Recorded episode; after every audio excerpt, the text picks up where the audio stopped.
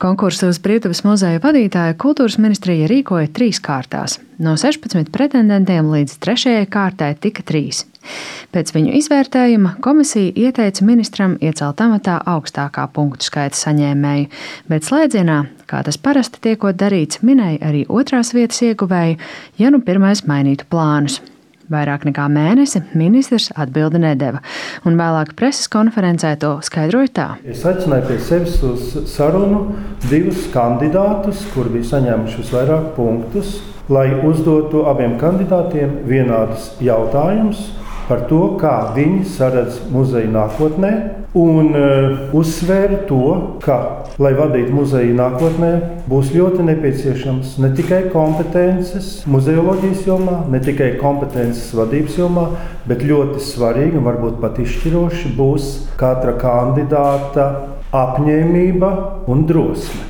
Apņēmība un drosme pieņemt nepopulārus lēmumus vismaz tiešā tekstā nav minēta nolikumā par pretendentiem izvirzāmajām prasībām, taču no ministra teiktā var secināt, ka tieši tas viņam bijis būtiskākais apsvērums vērtējot abus kandidātus.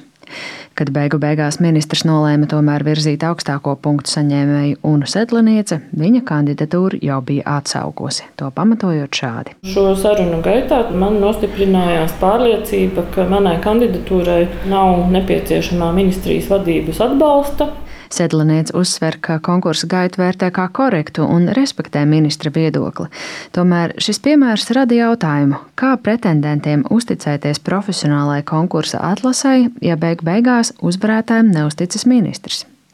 Sabiedriskās politikas centra providus direktore Iveta Kažoka uzskata, ka šādus nepolitisku valsts pārvaldes amata konkursa rezultātus ministrs drīkstētu apšaubīt vien atsevišķos gadījumos, piemēram, ja pēc atlases noticis kāds skandāls vai nākus klajā jauna informācija, bet tad jābūt ļoti spēcīgiem argumentiem. Un sliktākais, ko šādās situācijās gan Latvijas iestādes, gan dažkārt arī Eiropas iestādes dara, ir vienkārši velk laiku, marinē, gaidot, ka cilvēks pats atteiksies, un tad sanāks šajā amatā apstiprināt kādu citu cilvēku, ko tas lēmumu pieņēmējs patiesībā uzskatā par piemērotāku amatam, bet nu, viņam nav dušas to tā publiski pateikt.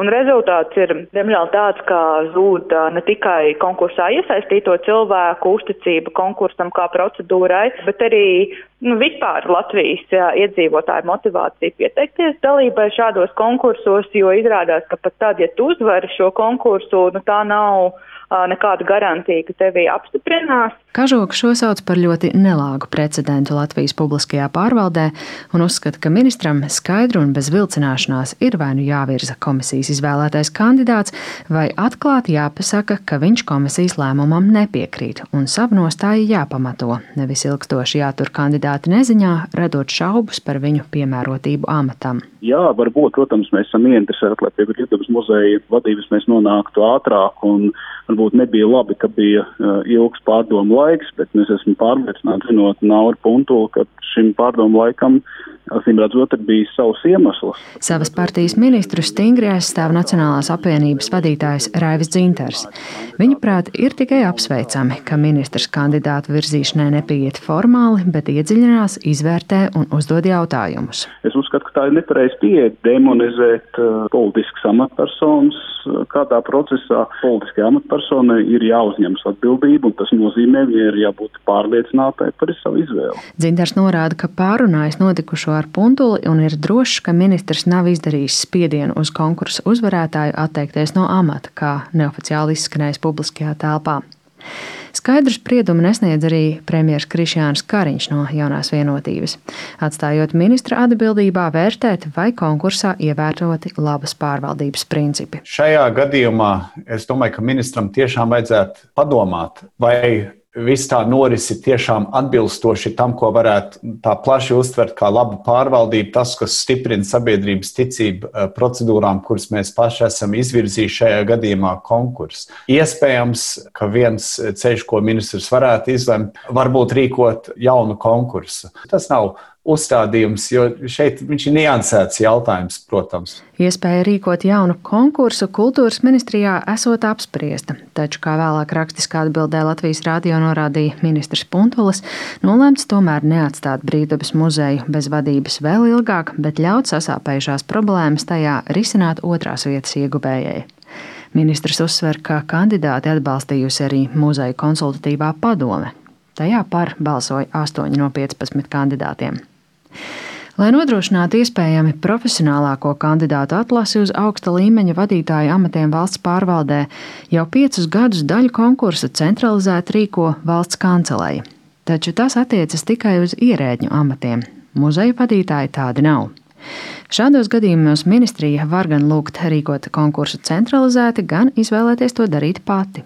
Bet arī valsts kancelēs rīkotajos konkursos galvārds uzvarētāja virzīšanā ir nozars ministram, skaidro valsts kancelējas cilvēku resursu politikas nodaļas vadītāja Ērika Gromule. Tie konkursi, ko organizē valsts kancelēja, ministram ir liela loma, jo viņš izvērtē šos kandidātus, arī viņu kompetenci caur sarunu.